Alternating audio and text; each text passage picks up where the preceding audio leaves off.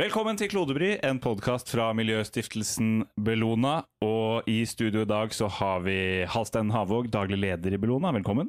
Takk for det. Eh, jeg pleier å google navn på gjester som kommer hit. Eh, ofte veldig kjente gjester kommer veldig høyt opp i søkeresultatene. Eh, altså jeg, det jeg prøver å finne ut av, er hvor mange bokstaver i gjestens navn må jeg skrive i søkefeltet før de kommer opp som et forslag. Og hva kommer opp før og etter dem, da. Mm. Så i ditt tilfelle så måtte jeg skrive Halst eh, før du dukket opp i søkeresultatene. Eh, men du havner altså under Hallstatt, som er en kommune i Østerrike. Mm. Eh, Hals, Halstahammar camping i Sverige. Halstein AS, en leverandør av stein. Eh, og så du på fjerdeplass. Ja, riktig. Ja. Jeg kjenner at eh, jeg, ja. jeg, ønsker å jobbe meg forbi uh, Holstein AS, Ja. men eh, ellers så kan jeg aldri konkurrere med Halstad uansett. Nei, for Halstahammar camping, eh, 4,7 stjerner på Google Ja, ja. Views, er jo veldig, veldig bra, da. Mine Google reviews er ikke like bra. Nei, dessverre. Men da har du noe å jobbe mot. Også i studio i dag er Christian Eriksen, fagsjef i Bellona. Hallo, hallo. Og eh, når man søker på ditt navn, der er det jo sånn at um, du deler det uh, med andre mennesker. Eh, Et par andre. ja, så for å få opp deg i søkeresultatene, så må man skrive hele navnet ditt før liksom Christian Eriksen Bellona kommer opp som en autofullfør-greie. Mm. Og før deg i resultatene er da Christian Eriksen fotballspiller, Mm. Christian Eriksen hjertestans, Christian Eriksen kollaps, eh, Christian Eriksen HamKam og Christian Eriksen Fifa 22. Mm. Tror, har du, får du jobba deg opp slite. jeg skal slite med å komme forbi noen av de. Så ærlig må jeg være. Og du vil heller ikke bli assosiert med Kristian Eriksen Hjertestans eller HamKam, egentlig. Så det er vel Det er sant. Så det er, en, ikke sant? det er grenser for hva man vil jobbe seg forbi. Ja. Um, jeg heter Benjamin Strandquist. Um, du må skrive Benjamin Strand før jeg kommer opp som autofullfør. Og det er en fyr som heter Benjamin Strand. Uh, det er en uh, influenser, i hvert fall en som veldig ønsker å være influenser. Anbefaler alle å søke han opp på, på Instagram, for det er fett det han legger ut, for å si det sånn. Jeg deler også navn med en annen person, så vidt jeg vet, uh, som heter akkurat det samme som meg. Han bor i Australia, vi er akkurat like gamle. Og måten jeg fant ut det på, var at jeg på et tidspunkt fikk hans forsikringspapirer på min e-post for hans eh, enebolig i Brisbane. Eh, Så de hadde, han har samme e-postadresse som meg, minus et punktum eller noe sånt. Så der kom vi i, eh, i dialog. I dag så har vi et hovedtema som er som heter, som ofte kalles, elektrifisering av sokkelen. Det er minst to vanskelige ord blant de tre ordene jeg nettopp eh, sa, så vi skal bruke en del tid på å forklare hva dette er for noe. Um, I tillegg så skal vi ta opp et spørsmål fra en uh, lytter, Uh, men aller først så må vi i gang med et aldri så lite klimahoroskop. Klimahoroskop det er et gratis eh, tilbud som vi har til alle som er gjest i dette programmet. Her får man altså eh, spådommer levert eh, helt gratis, i motsetning til å ringe sånn spåpersontelefon, som ofte kan koste 22 kroner og 50 øre per minutt. Um, horoskop, det er for de som ikke kjenner, det, kjenner til det, det er ikke et instrument for å oppdage prostitusjon på lang avstand, men et en måte å se inn i fremtiden på, via stjernetegn. Så vi kan begynne med deg, Halstein. Hvilket stjernetegn er du? Jeg er vær, sist jeg sjekka. Ja, skal vi se. Skal vi sjekke her. her, her. Der, ja. Um, det er visse moralske aspekter å vurdere på denne dagen. Det handler om at du vil gjøre noe, men dersom du gjør det, vil noen andre bli lei seg. Spørsmålet er om det er ditt ansvar å ta hensyn til denne personen, da dere stiller med samme vilkår. Har du noen idé om hva det kan være snakk om her? Um, jeg har opptil flere ideer. Det høres jo egentlig ut som, uh, som mitt liv gjennom hele året, egentlig. Ja. Uh, føler jeg. Så, men, uh, men også denne uka her, da, forstår jeg. Ok, ja. Litt diffust i hvert fall i starten, da, men så blir det litt mer konkret på, på tampen her, for, for horoskopet ditt fortsetter slik. I vannvare så kommer du skade for å kjøpe en robotstøvsuger som går på en blanding av parafin og rødsprit, fordi du tok for gitt at alle robotstøvsugere gikk på elektrisitet, og du må betale 14 000 kroner i CO2-avgift. Oh, ok. Ja. Det er mulig jeg må um, ta en kjapp retur til, eh, til postens utdeling på uh, Meny Christian Eriksen, uh, stjernetegn. Kreps. Kreps, ja. Mm, der var den. Eh, du blir både overrasket og glad når noen fra fortiden din plutselig tar kontakt med deg og vil møtes. Du har ikke tenkt på denne personen på lenge, men hen har tenkt på deg. Du er en, du er en person som sitter fast i ens minne. Hmm. Mm, spennende. Ja, litt, uh, litt skummelt òg, kanskje. Ja. ja. Blast from the past. Eh, ved en branninspeksjon hjemme hos deg, så viser det seg at røykvarsleren din inneholder radioaktive isotoper fra atomreaktoren på Kjeller.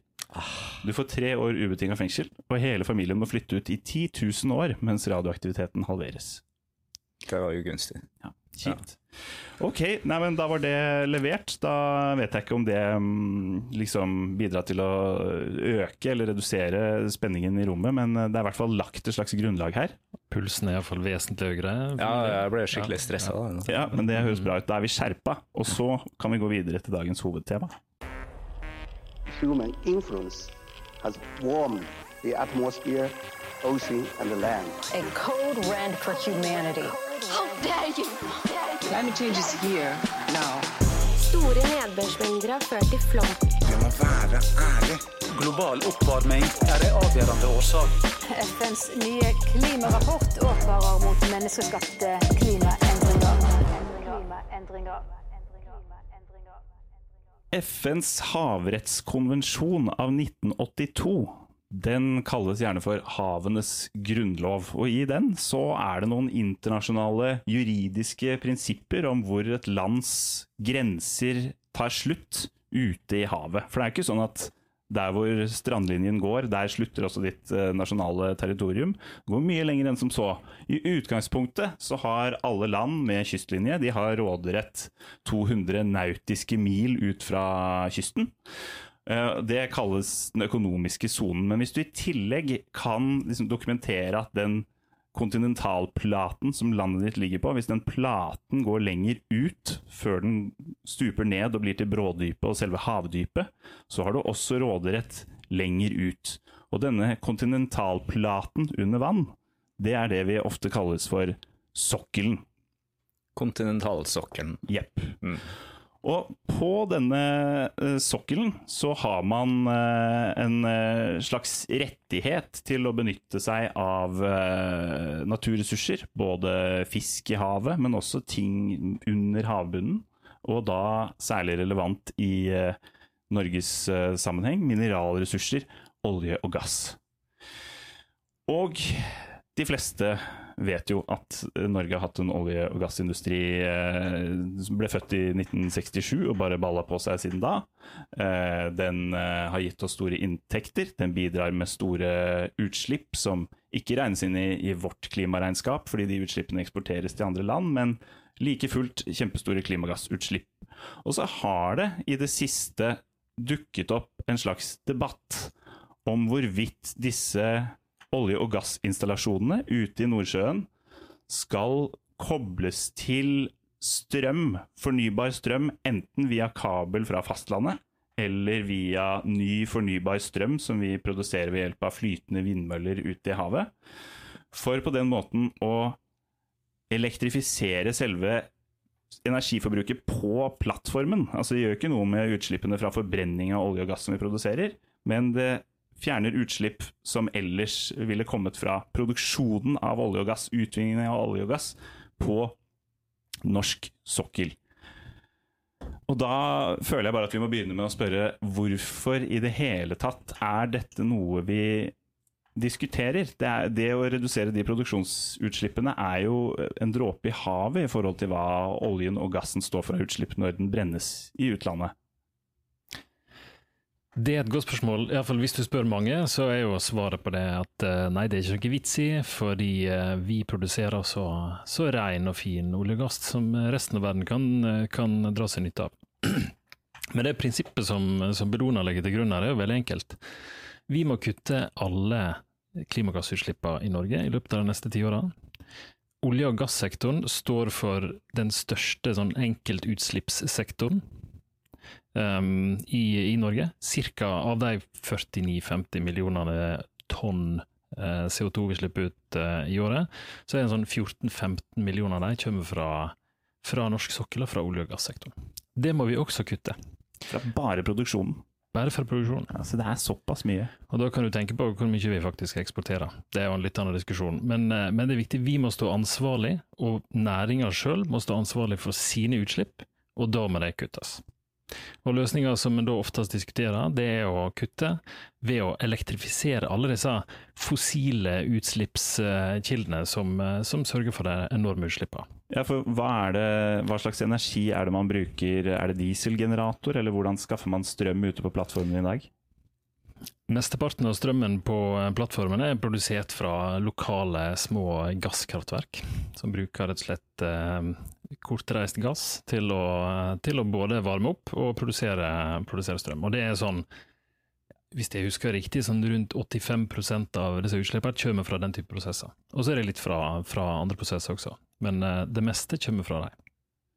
Men vi er jo en eh, klima- og miljøorganisasjon. Eh, vi mener at eh, olje- og gassproduksjon ikke noen Ikke er noe vi skal drive med på, på ubestemt tid, i hvert fall ikke med de utslippene som det medfører i dag. Hva er, hva er vår holdning til å skulle elektrifisere olje- og gassproduksjonen? Er ikke det bare på en måte å renvaske en industri som ikke fortjener eh, å se Fortjener en fremtid. Altså, vi er jo i den heldige situasjonen i dag eh, i verden at vi må kutte utslipp ekstremt fort. Eh, og prøve å minim altså minimere konsekvensene av den omstillinga.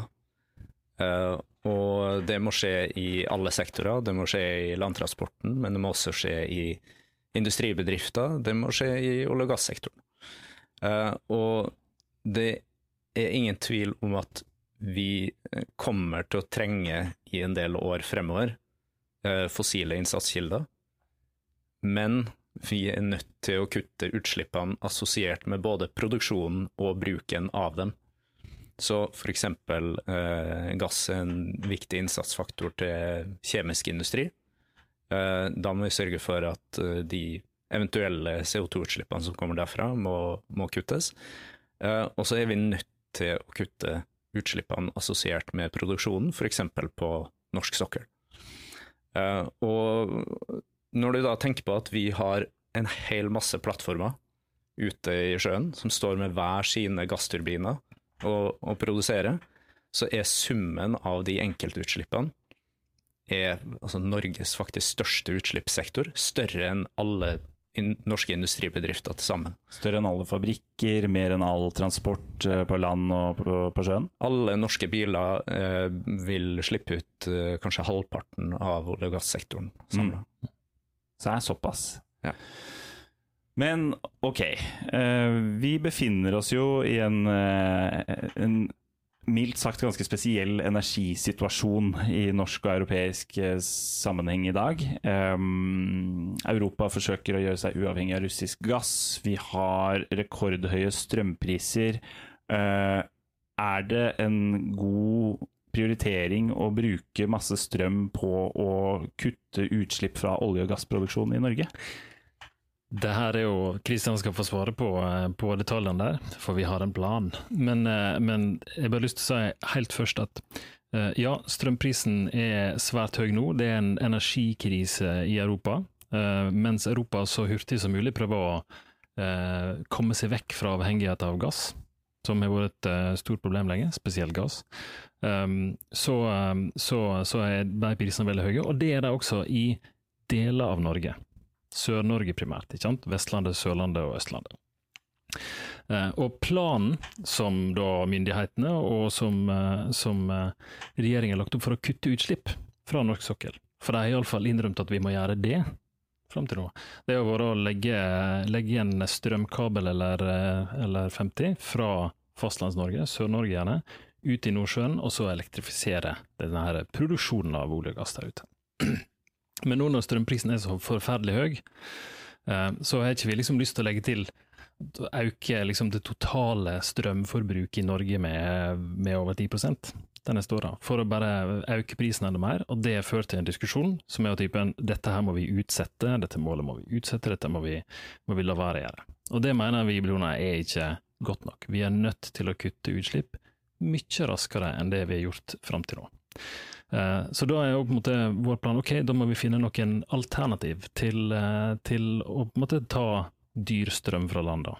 Og det finnes mange alternativ som både er raskere og bedre enn å legge en eh, strømkabel slash navlestreng fra Sør-Norge og ut i, ut i Nordsjøen. Hvis, ehm, hvis vi mener at det er en god idé eh, å elektrifisere energiforbruket på olje- og gassplattformer, eh, så må vel det gå inn i et større bilde om hva vi mener at disse plattformene skal brukes til i fremtiden, som også er noe mer positivt enn det vi gjør i dag. Hvordan henger dette sammen med vårt mer sånn langsiktige bilde på hva norsk offshore-næring skal drive med? Mm. Ja, Uh, og det er jo et, uh, et konsept som vi har jobba med over lengre tid, egentlig. For å, for å definere hva er det de, en del av de plattformene her reelt sett kan brukes til. Eh, vi har en rekke plattformer som er bygd på altså Hvis du ser bilder av, av enkelte av de, så, så står de på noe sånn stål, stålbein og ser kanskje litt sånn uh, flimsy ut. Ja, Litt sånn vaklevorent eh, opplegg. Ja, enkelte andre er jo bygd med betongunderstell. Eh, og, og for de som eh, identifiserer fra dialekta mi at det er fra Nordmøre et sted, så har de helt riktig. Eh, og den plattformen som, som skal vi si ligger nærmest Kristiansund, da, det er jo Draugen. Draugen er en av de plattformene som er bygd på et betongunderstell. Altså at det går betong sammenhengende fra plattformen og ned til bunnen. Det står på Står på en betongfot. Var det der Susanne. Sundfør hadde konsert inni den betongfoten? Ja, Hvis ikke det var troll, Jeg tror kanskje det var troll. Og Hvis ikke det var Katie Melua og ikke Susanne Sundfør. eventuelt. Her var det mye å ta tak i. Men det, det vi har sett eh, muligheten for, er at det er enkelte av de plattformene her som har eh, en levetid som kommer til langt overgå den produksjonen som de driver med. Så Draugen er, er, er allerede langt på overtid, um, i, mitt, uh, i mitt syn. Uh, så her kan vi se på eh, hva er det vi kan eh, bygge om en del av de plattformene her til, til å gjøre. Eh, og der kan det f.eks. knyttes opp mot eh, havvindutbygging, transformator, eh, transformatorstasjoner som kan plasseres på et eksisterende understell, som forlenger levetida til, til de strukturene, og også utsetter den ganske store kostnaden det kommer til å være med å, med å, med å fjerne en del av den installasjonen. Jeg har lyst til bare å understreke her at diskusjonen, og når vi deltar i diskusjonen rundt elektrifisering og egentlig da utslippskutt i, eh, i, på sokkelen Vi er jo egentlig ikke i elektrifiseringsbransjen, vi er i ta CO2 ut av atmosfæren-bransjen. ikke sant? Ja, det er vel mer det at eh, elektrisitet eh, veldig ofte har den fordelen at eh, de erstatter et fossilt, fossilt forbruk med noe som er produsert fra hovedsakelig fornybare kilder. For eksempel, ikke sant? Eh, Men det som er viktig for meg å bare få fram, det er at det, de tankene vi har nå rundt eh, elektrifisering av sokkelen og det å kutte utslipp der, det er jo ikke et, måte, et grønt lys for å fortsette å lete etter mer olje og gass, eller at vi skal på en måte utvikle nye felt osv. Vi har vært veldig tydelige på eh, vi må ha en stopp i ny leting av olje og gass, og Norge er nødt til å komme seg ut av den oljeavhengigheten og begynne å tenke framover. Og da er, eh, men det som er, er fint med de tankene som, som vi diskuterer her nå, det er at hvis du gjør det her på riktig måte, hvis du elektrifiserer sokkelen, og hvis du kutter utslippene på riktig måte, så kan det være med å lage en struktur, en infrastruktur, for f.eks. Store, store mengder med fornybar energi, både til Norge og til eh, resten av Europa i framtida. Og det er det vi ønsker. Vi bruker, ønsker å bruke anledninga nå til å faktisk utvikle og omstille denne sektoren her. Slutte med olje og gass i framtida, og satse på, på fornybar energi i stedet. Men de som driver olje- og gassutvinning i Nordsjøen i dag, er jo øh, selskaper. Eh, det er ikke staten direkte som driver disse operasjonene. Hvordan skal disse, du får, du, her forutsetter du at disse aktørene på en måte er med på dette. Eh, hvordan skal man få til det? Jo. Det, altså det, det er egentlig en ja, skal vi si, både vanskelig, vanskelig og en enkel eh, greie. Det enkle i det er at Equinor som selskap, f.eks., de har jo anslått sjøl at um, de, det kommer til å koste dem 60 milliarder i bare for å betale for CO2-kvotene for utslippene sine. Ja. Fordi Innen i dag 2040. så betaler man penger for Ja. å slippe ut CO2 i industrien. Ja, olje, uh, Oljenæringa betaler, eh, betaler penger for all den CO2-en de slipper ut. Hvis de ikke gjør noe med de utslippene, så kommer det til å koste dem dyrt over eh, egentlig ganske kort tid. Ja. Og det er jo det som har gjort at over de siste årene så har holdninga i oljenæringa endra seg fra å være veldig negativ til elektrifisering og utslippskutt å bli veldig positiv. Og det skjedde altså omtrent sånn.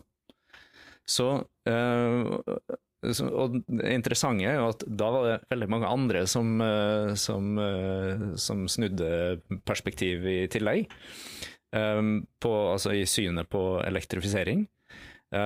Men det som altså Det vi legger til grunn for det videre arbeidet nå, er at utslippene må kuttes, men de må kuttes på en måte som gjør at det ikke går veldig hardt utover eh, andre, f.eks. oss forbrukere eller industrien. Eh, og Det betyr at oljenæringa må ta større ansvar for produksjon av strøm. Eh, og det enkle svaret her, da, for å komme til det, er jo at da må det faktisk planlegges. Altså, da trenger vi eh, politisk lederskap. Um, og det må stilles krav til næringa, at, de, at det ses sammenheng mellom felter. Og at man ikke, driver og, at man ikke lar egentlig oljenæringa få gjøre akkurat som de vil. Bygge ut én kabel til hvert enkelt felt. Her må vi i hvert fall klare å se dem i sammenheng. Så, så det, er jo, det er jo på en måte en helt basic uh, um, første steget vi må ta. Da. Men uh, altså, ja ok, to ting. Eh, det, ene som jeg kommer på når vi snakker om dette, er et eksempel på eh, at det koster mye penger å, å slippe ut CO2, er jo at uh, nylig så ble det annonsert at uh, Yara har inngått en avtale med Northern Lights om å lagre CO2-utslippene sine i havbunnen. Eh, på den norske kontinentalsokkelen. Og det er fordi at for dem så er det billigere å betale for det, Mm. fangst, transport og lagring av CO2, enn å betale for å slippe den samme CO2-en ut i atmosfæren. Altså de, de kvotene er dyrere. Så det forklarer hvordan det er et marked for dette. Og så hva var det siste du sa, Christian, for nå mistet jeg min egen tråd.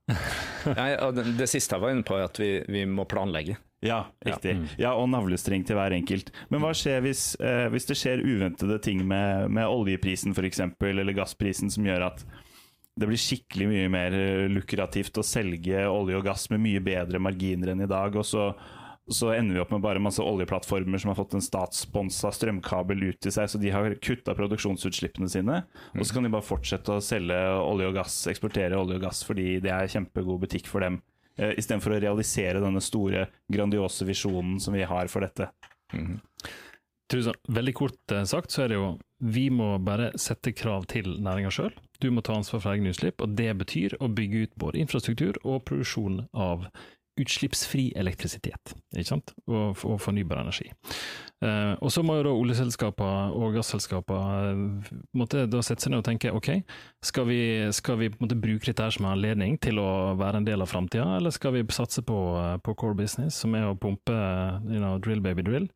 Eh, I så fall så, så måte, da, da hører ikke det hjemme i framtida. Så er det Olje og gass har veldig høy pris nå, det varierer veldig, veldig eh, mye over tid, men akkurat nå så er det veldig lukrativt å fortsette å drille, og det gjør at alle sammen har, ja, med stor glede, eller veldig mange kaster seg over muligheter til å snakke om at vi skal utvikle nye felt, og vi skal lete mer av det ene med det andre. Faktum er at hovedmarkedet vårt er Europa, og Europa har satt seg ganske hårete mål om å kutte avhengigheten av fossil energi, og også av gass. Og Det kommer til å skje i løpet av noen ganske få år. Um, så måtte, de delene av næringa som er på sokkelen i dag, som har lyst til å være med en del av denne transformasjonen av energisystemet vårt, som det heter på fint, Jeg har lyst til å være med en del av framtida, en del av løsninga i framtida, de må på en måte delta på dette her, og så får andre bare um, trekke seg ut. I, I vår eh, visjon, altså Bellonas visjon for uh, Nordsjøen, eller vårt drømmescenario, hva er det vi driver med der ute om 20 år? Ja, vi, kan jo, vi kan jo komme inn på uh, den, det konkrete forslaget til til elektrifisering av sokkelen i dag, og så kan vi bygge på det. Hvem sitt forslag da? Vårt Vårt forslag til hvordan vi løser dette? Bellona sitt forslag. Eh, og det som, det som ligger i det forslaget, hvis vi skal klare å kutte utslipp på plattformene uten å ta strøm fra land for å gjøre det, så er de nødt til å produsere strøm sjøl. Og det vi snakker om da, er at det må bygges egne eh, gasskraftverk eh, på da et skip, eksempel, eh, som da kan ta gass inn fra eh, en oljeplattform, som kan eh, brenne den gassen i, en mer, i et mer effektivt gasskraftverk enn hvis du gjør det på hver enkelt plattform. Ja, okay, Ja. Som, hvor vi da kan fange CO2-en og lagre den under havbunnen i en formasjon med en gang.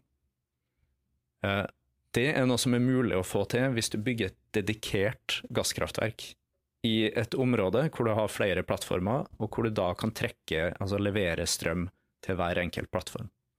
Så i stedet for at du har kraftproduksjon på hver enkelt av de plattformene, hvor du ikke re realistisk sett kan fange den CO2-en, det blir altfor dyrt f.eks. Å, å bygge om på hver plattform, så, du, så bygger du en egen infrastruktur. Med den infrastrukturen, med det gasskraftverket, så lager du et nett mellom plattformene. Eh, og det du da kan gjøre, er at du kan koble inn havvindutbygginga på et sånt nett. Så, så i, i våre øyne så er det noe som kan være med å legge til rette for at havvind kan, eh, kan bygges ut og har et nett å koble det på. Og hvis du da i tillegg har um, allerede bygde uh, strømkabler som går fra land ut til en plattform, uh, og den plattformen kobles til et sånt nett, så kan du potensielt sende kraft tilbake igjen til land. Nemlig så disse skipene, mobile flytende gasskraftverkene, Mm. kjører rundt, tanker opp gass fra ulike borerigger. Det, må nok, det må nok bli liggende i ro Ok. i, eh, altså i et område der du har f.eks. fire plattformer innenfor en viss uh, rekkevidde. Nå så jeg litt for meg sånn der, vet, sånn amerikanske militærfly, tanker, et annet fly.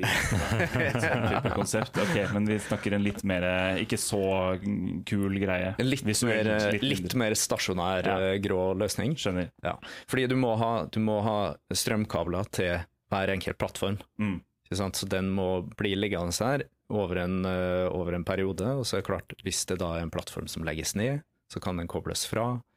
Eh, hvis det er Ja, ikke sant. Så det, det er eh, en fleksibilitet i den løsninga.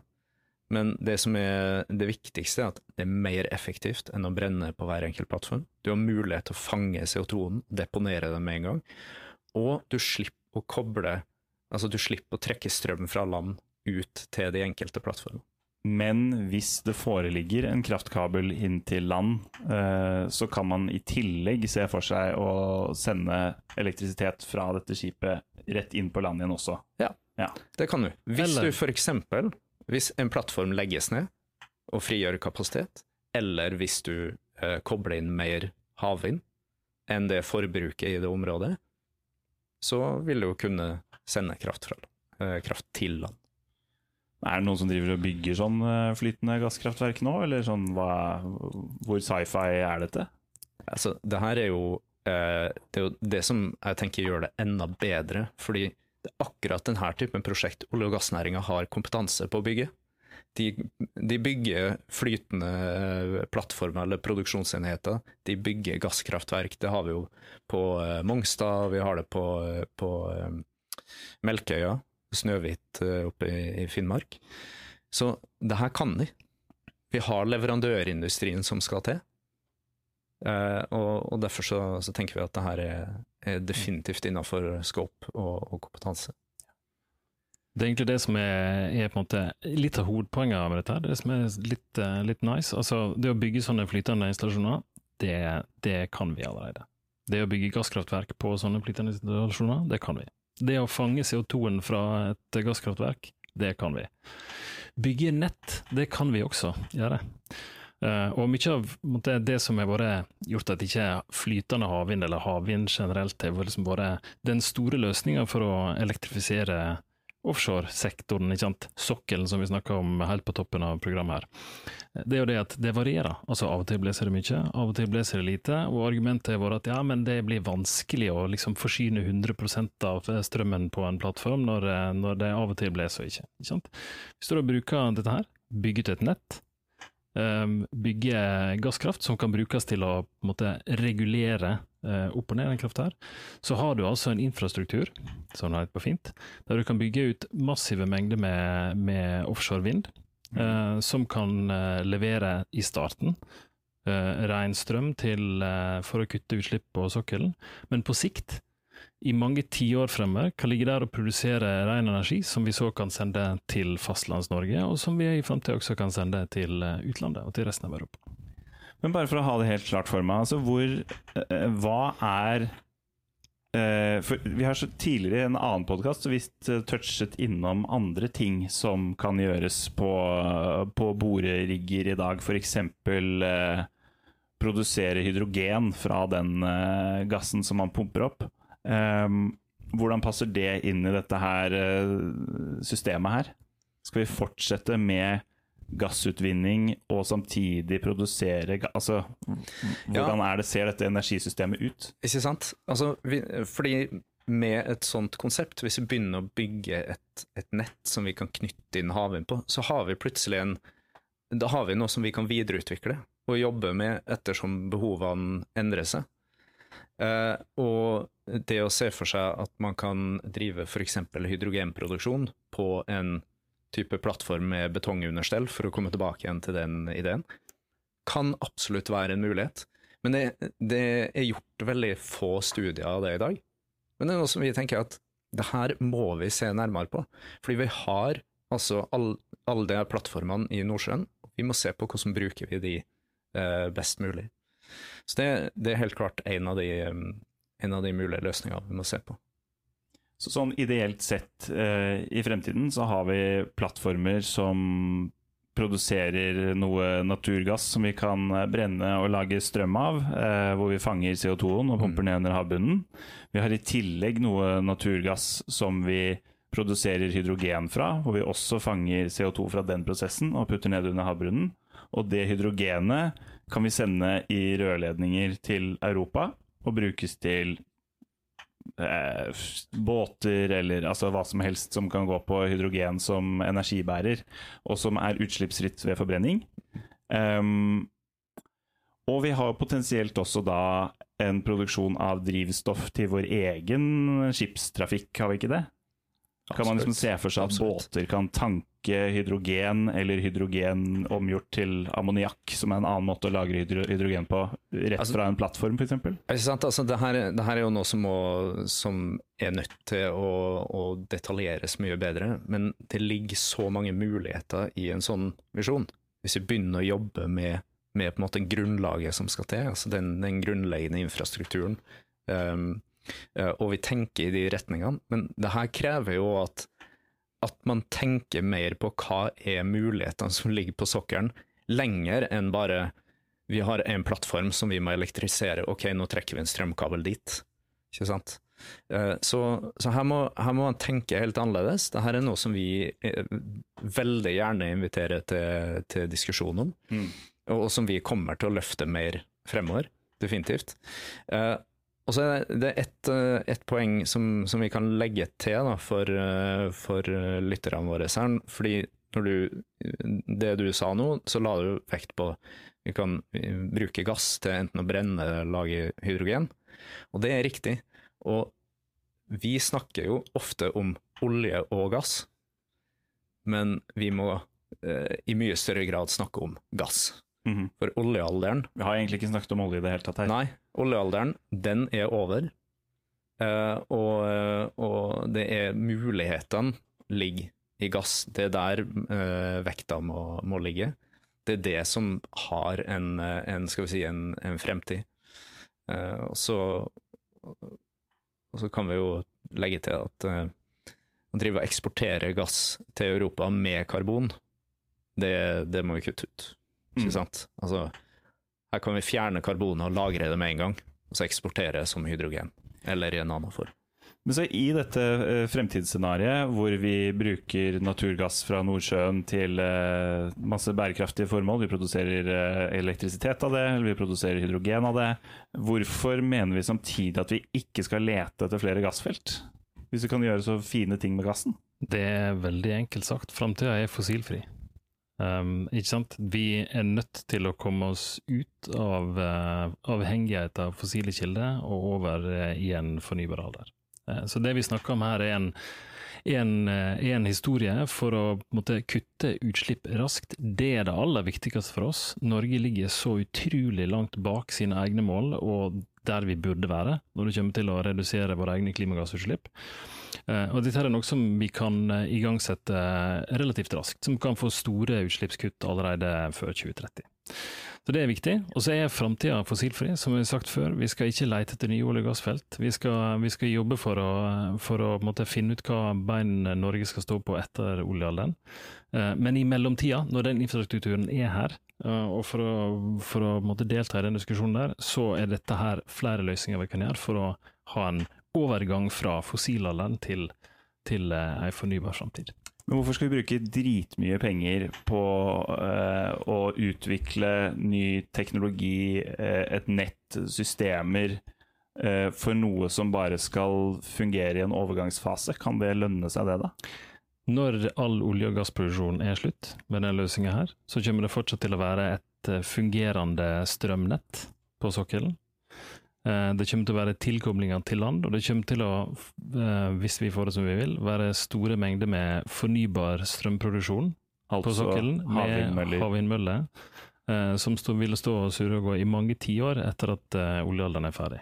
Så det er en måte for oss til å få fart på utviklinga av, av, den fornybare energiproduksjonen, og bygge en infrastruktur som, som gjør at vi kan, kan, bygge ut det også i framtida. Så har vi jo ganske mye gass. Som allerede er i produksjon. Som vi allerede på en måte ja. har tappa inn til? Ja, så Troll kommer til å produsere i, i mange tiår fremover. Da må vi sørge for å gjøre noe med de utslippene som er knytta både til produksjonen, og også i bruken av den energien som Troll produserer. Så dette, alt dette vi har snakket om nå, dette er jeg eh, kan kalle det Bellonas eh, drømmevisjon for hva vi gjør med Nordsjøen. Eh, men hvor langt unna er vi å gjøre dette til en realitet med de planene og den politikken som vi har i dag? Tja. Um, mm. Nå sier jo de aktørene som vi uh, snakker med, som har uh, kompetansen til å bygge denne typen installasjoner, uh, estimerer jo at en, en sånn, et flytende gasskraftverk eh, med mulighet til å lagre CO2 kan stå klart i løpet av tre til fire år.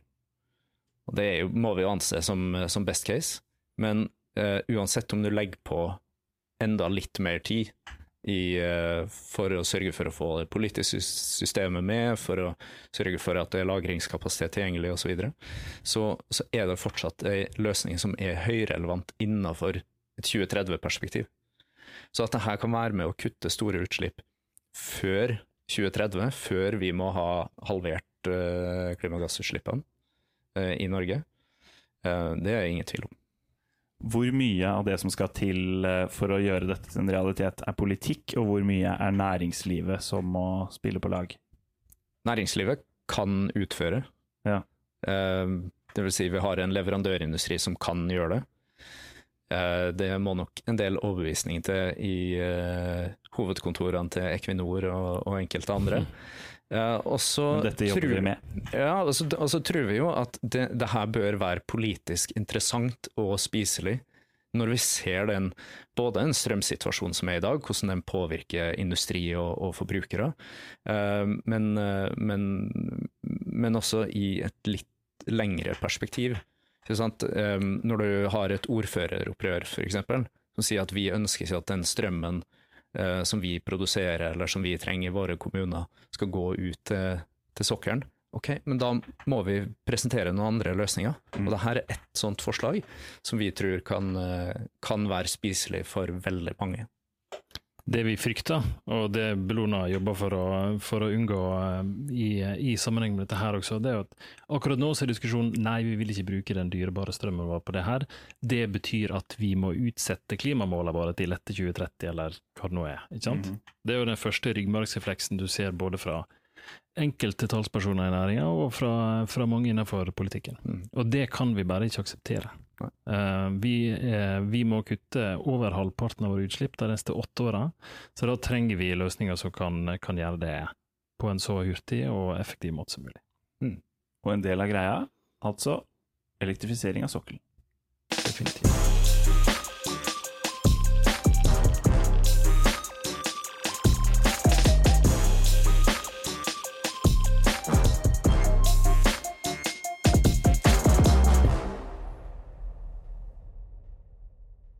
Helt på tampen så har vi fått inn et lite spørsmål her fra en uh, lytter som uh, ikke heter, men ønsker å bli kalt for Bakklandet bordell og bedehus. Og vedkommende lurer på hva som er verst av å putte 10 000 plastposer i papiravfallet, eller 10 000 papirposer i plastavfallet.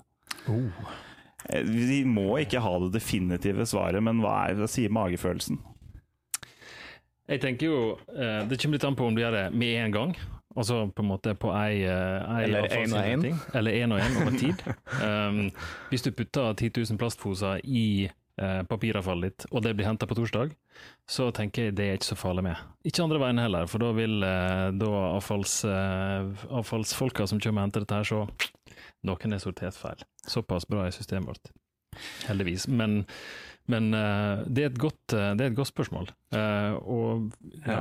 Kristian sitrer etter å svare på det her. Ja, jeg, jeg må, jo, må jo si at her, her ville jeg definitivt konferert med våre partnere i Hafslund, Oslo Celsio, eh, som, eh, som jo kan det her med avfallsforbrenning, i hvert fall. Og det lurer jeg på om er et stikkord her, for det er jo mye av den plasten som går til, til forbrenning. Eh, så om En del om det- av spørsmålet det her er også om, om, om dette plastavfallet vil da behandles som papiravfall, eller omvendt. Altså, Ja, man, ja, man oppdager det i prosessen. Ja. Eh, Det måtte nesten Altså- noen fra Klemetsrud svart på, kanskje. Jeg, jeg heller mot eh, at plast i papiret er verst. Ja. Jeg stikker ut uh, noen og sier det, sier det samme. Det er vårt, eh, det er vårt foreløpige svar, før vi har snakka med, med våre eksperter. Det er jo, som sagt, eh, plastavfall blir jo, blir jo ganske grundig, grundig sortert og putta ut i fraksjoner også. Um, og det blir jo sortert ut lenge før det kommer i måte, den store resirkuleringsfabrikken. Men um, jeg tror nok jeg vil um, hvis du slenger litt papir i plastavfall innimellom, så, eh, så går nok det ganske bra. Plast i papiret, det vil ikke vi ha.